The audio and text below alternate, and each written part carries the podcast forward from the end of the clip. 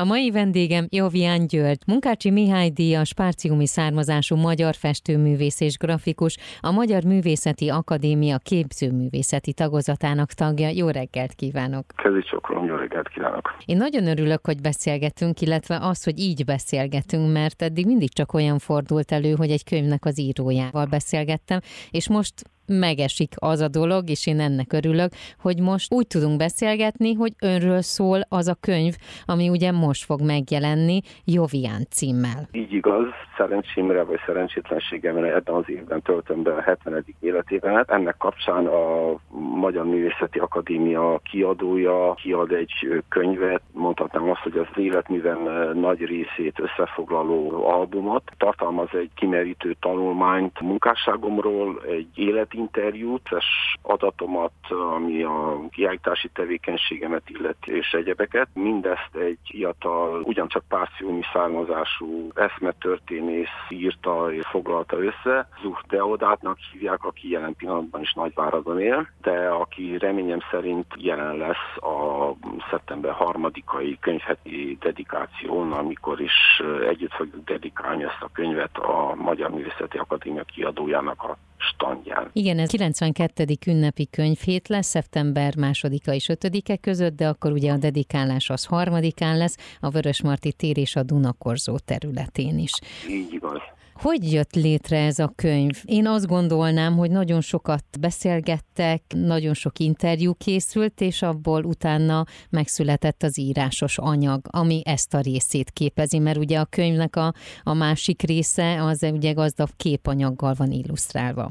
Könyv ez hát majdnem egy évig készült, igazából. Ahogy mondja, nagyon sok beszélgetés, interjú és egy elég nagynak mondható válogatott képanyag állt a szerző rendelkezésére. Mindebből először is egy nagyon alapos és nagyon érdekes felfogású elméleti tanulmányt írt, mármint az én festészetemről, uh-huh. és mindenféle kontextusba elhelyezve művészettörténeti és egyéb utalásokkal együtt, majd pedig rögzített is egy úgynevezett életinterjút, amiben én, én elmesélem a gyerekkoromtól kezdve egyetemi tanulmányaimon át egészen a Budapestre való költözésem történetéig az eddigi életutamat. Ez egy meglehetősen hosszú interjú, de könyv, azért ezt koncentráltan jelenik meg sokat gondolkodtam, hogy kit kérek fel ennek a kötetnek a megírására, a szerkesztésére. Tulajdonképpen egy véletlen folytán döntöttem úgy, hogy ezt a fiatal embert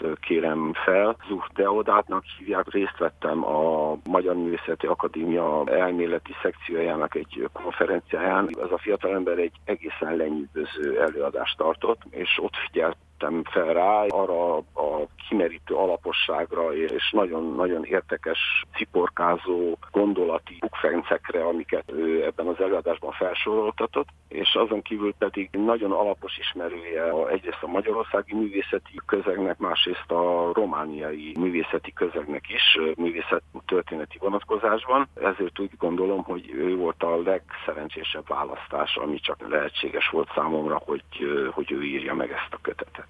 Ugye az írásos részéről most beszéltünk, na de ugye azt is említettük, hogy nagyon gazdag képanyag is található a könyvben. Mondom sem kell, hogy ez egy személyes dokumentációnak az alapja. A személyes dokumentáció ez ugye apránként gyűlik az évek folyamán, különféle képeknek az elkészülte, és aztán természetesen a régebbi képek, ezeknek a képeknek az együvé rakása hát összegyűlik egy hatalmas nagy anyag, amiből ugye az ember megpróbálja kiválogatni a különféle korszakaira a legjellemzőbb műveket. Uh-huh. Ez a képanyag, ez tulajdonképpen, ha jól számolom, akkor 45 év munkásságát öleli fel, hiszen a korai, tehát még a, a Nagyváradon festett képeimből is van egy, egy szűkebb válogatás, ezek a 1970-es évek második fele, azután pedig a Budapestre való átköltözésem, ami 1982-ben történt, azóta többé-kevésbé végigvitt különféle korszakaimnak legjellemzőbb dolgait igyekeztem egymás mellé tenni, és hát ennek van egyfajta műfai változatossága is, mert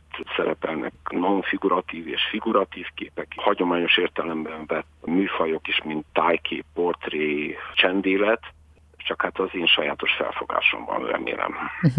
Azt olvastam önről, hogy az önvilága mitológikus és filozófikus. Mitológiát illeti, korai ifjúságomtól kezdve foglalkoztat a, antik világ, az antik mitológiáknak a csodálatos világa. Ezen értendő a, elsősorban a görög és a római, és amikor 1985-ben sikerült egy hosszabb ösztöndíjat elnyernem Római Magyar Akadémiára, akkor élőben találkoztam ezzel az általam annyira imádott antikvitással, akkori műveimre nagyon nagy hatással volt, és aztán többé-kevésbé átmentődött későbbi korszakaimra is. Az ókornak és a rég letűnt aranykoroknak az állandó, állandó vágya és állandó nosztalgiája, ami pedig a, a filozofikus hozzáállást illeti, hát én azt tartom, hogy a művészet az nagy mértékben lekötelezettje egyrészt a, a hitnek, másrészt hát a gondolatnak. A gondolat, ami ugye a, az embernek a, az egzisztenciája, a világban való helye, témájában forog, vagyis milyen csak a, ez a fajta rácsodálkozás, ami az, az, az emberi életnek a, a miensége és az elmúlásnak a tudata, ez, ezek többé-kevésbé szerepelnek az én, az én gondolatvilágomban, és ezen belül a, azokban a művekben, amiket létrehozok. Aki még közreműködött a könyv elkészültében. Igen, igen, igen feltétlenül, feltétlenül meg szeretném említeni Mihalkov György nevű, ugyancsak ifjú grafikus barátomnak a nevét, Petőfi Irodalmi Múzeumban kollégám volt, és aki az, az előző könyvemet is tervezte, és a mostanit is tervezte, és kiváló munkát végzett. Tehát akkor én még egyszer megemlíteném, hogy a 92. ünnepi könyvhéten szeptember 3-án 15 órától fog dedikálni ön is, illetve a könyv írója is. Igazából zavarban vagyok, mert bevallom, hogy ez lesz az első dedikálásom. A, a pályafutásom során még soha nem történt meg ilyesmi velem, úgyhogy én is nagyon kíváncsi vagyok, hogy hogyan fog ez lezajlani. Valamit még szeretnék megemlíteni egy nagyon-nagyon kiváló akadémiai társam és kedves barátunk Ács Margit